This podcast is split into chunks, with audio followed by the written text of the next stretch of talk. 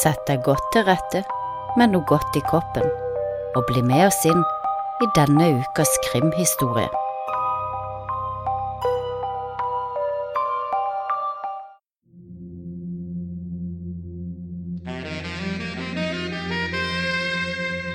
Midt i pandemien i 2020 ble 49 år gamle Susanne Morphew meldt savnet fra sitt hjem i Colorado, USA. Det kunne se ut som hun hadde forsvunnet fra en sykkeltur i området utenfor sitt hjem, men dette utvikler seg til en sak der teknologiske spor viser at det kan ligge mer bak Susannes forsvinning.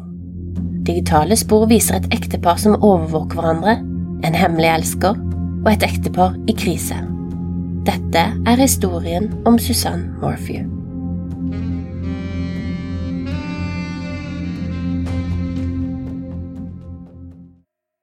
10. mai 2020 ble 49 år gamle Susanne Morphy fra Maysville, Colorado, meldt savnet. Denne søndagen feirer amerikanerne morsdag, og når tenåringsbarna Mace og Mallory ikke får tak i mammaen sin på telefon, ble de bekymra og ringte naboen. Barry Morphew, Susannes ektemann, var på jobb i Denver, og døtrene var på den tida på leir en time unna. Etter en telefon til Barry går naboen over for å se om Susanne er hjemme. Barry sier at hun må sjekke om sykkelen er der, og det er den ikke. Kvart på seks søndag ettermiddag melder naboen Susann savna, og konklusjonen ble da at Susann mest sannsynlig hadde dratt på en sykkeltur og ikke kommet tilbake. Maysbell, Colorado har bare en underkant av 150 innbyggere, og huset de bodde i er en svær villa omgitt av fjell og kratt. Søket starter umiddelbart med droner, hunder på fjellet og i elva, men Susann blir ikke funnet. Susannes mann, Barry Morphew, tilbyr 50 000 dollar for de som kan hjelpe med å finne henne, og det samme gjør et annet familiemedlem. Barry tror at Susanne kan ha blitt tatt av en fjelløve på dette tidspunktet. Susanne møtte Barry i 1988. Han var fra en kristen, velstående familie og hadde både utseende og ambisjonene. Og i 1994 gifter de seg i Indiana. Susanne jobba i flere år som lærer, og Barry drømte om en karriere innen baseball. Men da han skadet seg, måtte han endre kurs og satset nå på landskapsarbeid. På fritiden interesserte han seg for jakt og var stadig borte i flere uker av gangen. Susanne startet Hope Foundation, en kristen organisasjon som jobbet mot trengende barn, og i 2018 kjøpte de et stort hus i Celida, Colorado. Et trygt nabolag med flotte omgivelser. De hadde døtrene Mallory og Macy, og familien trivdes godt og bidro mye til lokalsamfunnet. Susanne hadde overlevd kreftbehandling to ganger, og til tross for tøffe tider beholdt hun positiviteten. Døtrene fulgte ofte sin mor til behandling, mens Barry virka mer utilpass med situasjonen. Susanne kom seg, og helsa ble bedre, og hver søndag elsket hun å dra på sykkelturer på de mange stiene rundt området der de bodde. Når hun kom hjem, gikk de vanligvis i kirka og hadde kvalitetstid som familie, men denne søndagen er det morsdag, og døtrene er på leir, og de kommer ikke hjem før senere den dagen. Og Barry drar på jobb i Denver. Turen til Denver tar to til tre timer, så det var forventa at han skulle være borte den dagen. Døtrene blir forsinka og ringer sin mor for å gratulere henne med dagen og for å fortelle at de ikke kommer før litt senere. Men da er det ingen som tar telefonen. Fem dager senere, 15. mai, blir Susanns sykkel funnet nede i en skråning ikke langt fra der de bodde. Området hadde vært søkt gjennom tidligere, men nå lå altså sykkelen der. Sykkelen var ikke skada, og hundene kunne ikke plukke opp lukten av Susann. Politiet fant også en personlig gjenstand i nærheten, men de gikk ikke ut med hva det var. Når politiet går ut med dette i en pressekonferanse 15. mai, blir det ikke gitt ut noen beskrivelse av Susann, verken på henne eller på sykkelen hennes. Da Susanne forsvant, viste seg at Barry var i Broomfield, litt forbi Denver. Han forklarte at han var på en brannmannsopplæring den helga, men når politiet undersøker, sier brannsjefen at de ikke hadde øvelser på denne tida av pandemien. Da forteller Barry at han skulle finne et område til landskapsjobben sin. Barry fortalte også at kvelden før hadde han og Susanne hatt en fantastisk kveld. De hadde spist middag og hatt sex før de la seg.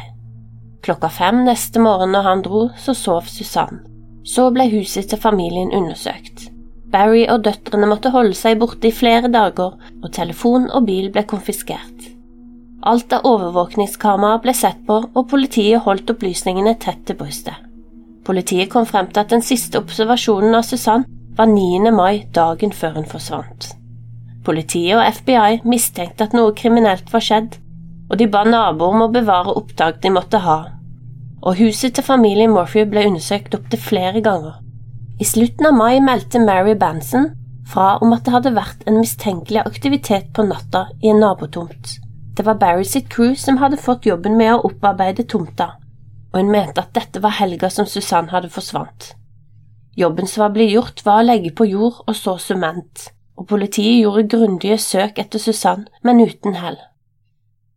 Barry ønska ikke å møte media ennå, men 17. mai går Barry ut med sin egen ferdiginnspilte video på 25 sekunder, da han nå snakker til en eventuelt gjerningsperson som har bortført Susann. Oh, Suzanne, if anyone is out there that can hear this, that has you, please, we'll do whatever it takes to bring you back. We love you, we miss you, your girls need you. No questions asked. However much they want, I will do whatever it takes to get you back. Honey, I love you, I want you back so bad. Til sammen har Barry foreslått fire ulike teorier. Den ene er at en fjelløve eller et annet dyr har angrepet henne. Nummer to er at hun har hatt en ulykke. Og nummer tre at hun møter på noen hun kjenner godt, og så skjer det noe. Den fjerde grunnen er at hun har blitt påkjørt og at noen har skjult liket. Det er den tredje teorien politiet selv fokuserer på, men den som kjenner henne best, er kanskje hennes egen ektemann Barry, og statistikken er heller ikke på hans side. Det viser seg at Barry hadde rom på Holiday Inn Express, og politiet snakker med Barry sine kollegaer. Jeff Puckett ble bedt om å ta over for Barry da han måtte dra hjem på søndag kveld. Og da Jeff kom opp på hotellrommet til Barry, merket han en sterk lukt av klor. Det var håndklær som lå overalt. Senga var reid opp, men ikke av hotellet. Hotellet sa også at de ikke bruker klor for å vaske rommene. Barry mente at klorlukten kunne stamme fra bassenget, men på grunn av covid så var bassenget stengt. Det lå også noen papirer på rommet, inkludert en eiendomsforsikring, og alt ble gitt til politiet. Venner og familie gikk til Barry sitt forsvar, og alle var helt sjokkert over at politiet og media satte søkelyset på Barry. Det går hele tre måneder før Barry uttaler seg på TV via telefon med Lauren Shafer. Han nekter å møte henne ansikt til ansikt. Han ville ikke være på kamera, og han ville ikke at de skulle gjøre opptak av samtalen. Han forklarer at han mener han har blitt urettferdig behandla av media, og det er grunnen til at han ikke har villet uttale seg. Tayson Draper, en YouTuber, tok med seg kamera og filma stedet der sykkelen ble funnet, og plutselig møter han på Barry. Barry vil ikke være på film, og Tayson later som han skrur av kameraet, men istedenfor legger han telefonen i lomma og fortsetter å filme. Barry forteller at hans privatetterforskere mistenker at Susanne har blitt kidnappa fra en bro. Han forteller også at sykkelen hadde fått skader, noe som politiet avkrefta. Så kommer han med en ny teori. Han tror Susanna kan ha ramla av sykkelen, skada hodet, vært forvirra og gått lenger inn i skogen. I slutten av samtalen spør Taysom om hvordan han kan hjelpe Barry, og sier at om du er en turgåer, så kan du godt lete i området, men om du er en journalist, så vil han komme etter han. Susannes nivå Trevor jobba aktivt med å samle penger, og satte opp en GoFundMe, og han og andre frivillige lette der de kunne lete. Barry deltar ikke i disse leteaksjonene. 1. juni 2020 søker Barry om å få fullmakt fra sin kone, slik at han kan selge eiendommen de begge eide sammen, og i oktober 2020 ble huset solgt. I et eksklusivt intervju med Fox 2 får Barry et langt intervju for å oppklare ryktene som florerte, men han ba dem til slutt om å ikke sende intervjuet. Han mente at politiet hadde hengt seg opp i ham og ikke gjorde en god nok jobb. 9. juli gjorde politiet nok et søk i hjemmet, men politiet gikk ikke ut med detaljene i saken. Familien til Susanne tror nå at Susanne har blitt myrdet. Broren Andrew sa at en politi hadde sagt at huset hadde lukta klor i første søket. Dette er noe politiet ikke har bekrefta. Det ryktes om at en kollega, Morgan, hadde et forhold til Barry. Morgan på sin side sier at det ikke stemmer, men at hun var på hotellrommet etter at Barry dro hjem, og bekrefter at det lukta klor. Morgan samarbeider for politiet og forteller dem hvor merkelig hun synes Barry oppførte seg på morsdagen, men hun nekter å ta en løgndetektortest. Barry ga Morgan sparken over en tekstmelding og sier at hun sikkert lyver om masse siden han sparket henne. Han kaller henne mathhead og mener at hun ikke er troverdig. 15. mai 2021, ett år etter at Susanne forsvant, blir Barry Morphew arrestert. Han blir sikta for tre punkter murder after deliberation, tampering with physical evidence, and attempt to influence the public servant. Tidlig i august 2021 begynte høringen. Opplysningene som offentligheten ikke hadde fått høre før, ble nå lagt frem. På dag én kom det frem at Mallory, Susannes datter, hadde prøvd å få kontakt med moren, og det var også henne som kontakta naboen. Barry hadde også sendt Susanne en melding. Mallory bekrefta at de var borte fra foreldrene 15. mai til 10. mai, en time unna familiens hjem. Politibetjent Brown rapporterte at han fant Susannes sykkel kort etter at Susanne var meldt savna. Sykkelen hadde ingen skade, og når Barry kommer til stedet der de har funnet sykkelen, må de be Barry om å slutte å ta på den. 14. mai ble hjelmen funnet litt over en kilometer unna sykkelen. Den var heller ikke skada. Vi fikk også vite i høringen at Susannes telefon siste ping ble plukka opp 4.24.10. mai nær Poncha Spring, ca. ti minutter fra der de bor. Barry hadde sagt at Susanne sov klokka fem om morgenen da han dro på jobb, og Susanns telefon ble aldri funnet. Det kom også frem at telefonen til Barry var blitt slått av mellom 2.47 og 5.30 den morgenen. Det var blitt gjort mange søk i Morphew-hjemmet, men etterforskerne rapporterte at ingen blod var funnet. Barry hadde flere skytevåpen, noe som var naturlig siden Barry drev med jakt. Forsvaret tok opp et DNA som var funnet på en ledning som tilhørte et overvåkningskamera. Det var installert av forrige eier, og denne ledningen fikk treff på Susanne og en ukjent mann som hadde tre dommer for seksuelle overgrep. Barry mente at Susanne hadde prøvd å koble ut kameraet. Susannes bil ble også testet for DNA, og også der kom det frem et ukjent DNA. Det kom frem i retten at bestevenninna Sheila ba Susanne om å kjøpe en spypen for å sjekke om Barry var utro. Denne ble funnet med elleve lagrede opptak og elleve sletta opptak i bilen til Barry. Meldingen mellom Sheila og Susanne ble lagt frem, og meldingene viser at ekteskapet mellom Barry og Susanne slett ikke var bra. Sheila fikk inntrykk av at Barry brukte døtrene mot henne, og Susanne var fortvila og ville ut av forholdet. Pennen viste ikke bare opptak av Barry, men også lydopptak av Susanne der hun snakka intimt med en mann. Det viser seg at politiet fant ut av dette i november 2020, og Susanne hadde hatt et forhold til denne mannen i to år. Mannen, Jeff Liebler, var en gammel skolekamerat, og han sa han ikke ville stå frem for å beskytte Susannes minne.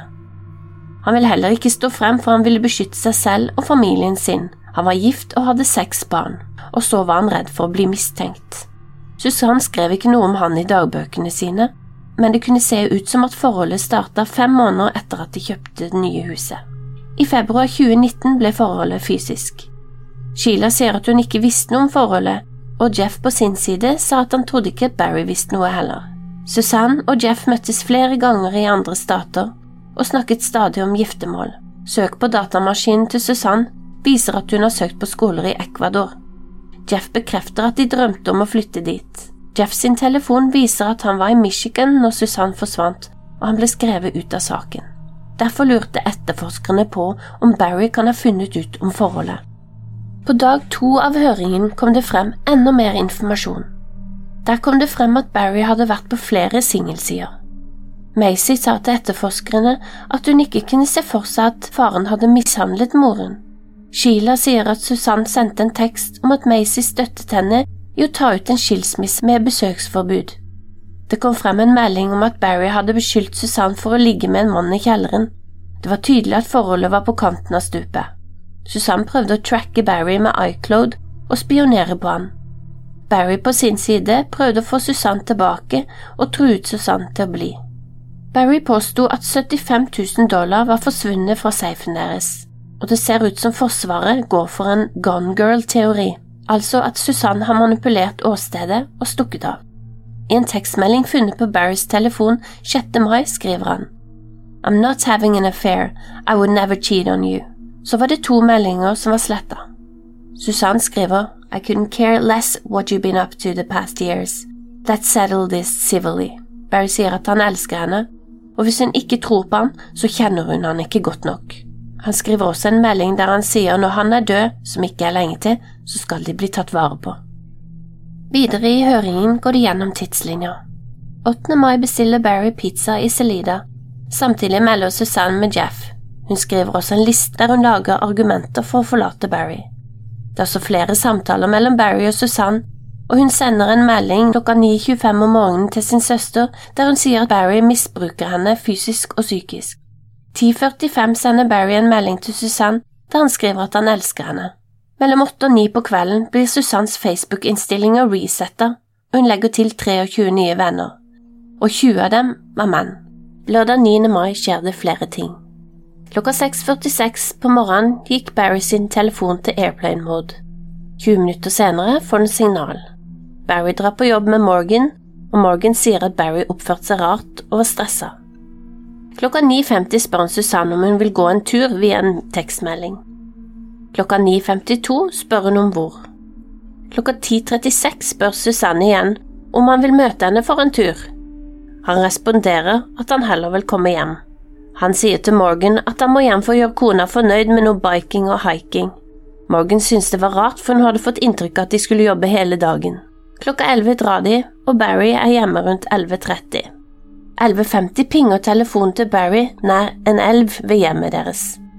Etterforskerne spør hva han gjorde der, og han svarer at han lette etter en kalkun Mallory hadde skutt en stund tilbake. Etter det er det et hull i tida på 50 minutter. Det går en melding fra Susannes telefon til Jeff klokka 1.42. Guess who's alone again? Det skal være etter at Barry og Susanne har sittet i sola sammen, og nå har Barry dratt til Seleida for å snakke med en kollega, og dette blir bekreftet av overvåkningskamera. Klokka to så sender Susanne en selfie av at hun soler seg til Jeff. Klokka elleve over to ber Susanne Jeff om å bytte til WhatsApp, og klokka 2.44 så kommer Barry hjem. Barrys telefon pinger mange steder utenfor huset, og han sier det er fordi han har løpt rundt og skutt jordekorn. Dette kom ikke frem før han ble presentert med de tekniske bevisene i februar 2021. Klokka 2.47 går telefonen til Barry inn i flymodus og går på igjen klokka ti om kvelden. På et tidspunkt får Susanne en melding fra Jeff, men den blir ikke besvart. Klokka 4.44 på ettermiddagen drar Barry til en spabutikk. Det blir registrert på Barry sin bil at bildøra blir åpna og lukka, og det kan se ut som at bilen har hatt en system reboot. Det kommer også frem at en politibetjent har funnet lokket til en bedøvelsespil i tørketrommelen til familien. Pilen var mangla i et sett på fire, og en annen ting som virka mistenkelig, var at Malorys seng var renska for sengetøy. Det er flere ting som skjer her i forhold til telefoner som klokka 21.25 viser Barry sin bil at den blir rygget inn i eiendommen, og 10.47 blir telefonen tatt av flymodus. 4.22 på morgenen er siste pingen på Susannes telefon. I ett avhør sier Barry at han kyssa Susanne når han dro på jobb klokka fem. I et annet intervju sier at han ikke ville vekke henne, og bare dro. Klokka fem på morgenen forlater bilen huset og går med Benavista 36 minutter unna hjemmet. Likevel viser bilen at den har svingt til venstre han sier at han hadde lyst til å se på en elg som han hadde sett der tidligere. Han tekster sin mor klokka 5.38 og ønsker henne god morsdag, og han får en innkommende samtale klokka seks. Like etter seks så tekster han Susann og spør om hun har stått opp og ønsker henne god morsdag. Så skjer noe rart. Barry stopper for flere ulike steder på veien til Broomfield for å kaste søppel. Hele fem stopp. Klokka 8.38 går han inn på hotellrommet han har med seg sko, poser og flere gjenstander til rommet. Han tekster Susanne og skriver at han har kommet frem. Han forklarer at han ville kaste skoene, men beholde lissene. Så en halvtime senere drar han til McDonald's og putter nok en gang ting i søpla. Han drar til en annen parkeringsplass og kaster nok noen ting. Det tar hele 40 minutter. Siste stoppet har politiet bilde av. Her kaster han bedøvelsespiler. Dette er femte og siste søppelstopp. En kjapp tur til hotellet, og så drar han til jobbstedet. Han ringer Susanne klokka tolv og litt senere Mallory.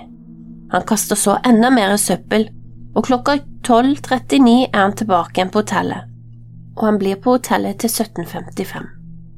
Klokka 15.30 ringer Susanne, og så får han telefonen fra naboen som nå har snakket med datteren. Klokken 18 går han inn og ut av hotellet med verktøy han skulle legge igjen til kollegaene. På dag tre av høringen kom det frem at Barry ikke kunne huske hva han hadde kasta.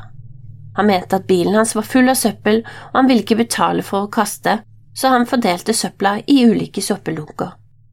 Aktor sier at det er klart at noe har skjedd mellom tiden da Barry kom hjem 9. mai og da han dro på jobb klokka fem om morgenen 10. mai. De mener at Barry har jakta på Susanne rundt i huset og skutt henne med en bedøvelsespil, akkurat som han påsto at han skjøt jordekorn. Forsvaret mener at Susanne kan ha staget dette selv, og legger til grunn at hun søkte etter leiligheter i Ecuador, og at det var 75 000 dollar som var borte fra familiens safe garasjen. Rettssaken kommer opp i mai, og det blir spennende å se hva utfallet blir i saken, og om Susanne noen gang vil bli funnet.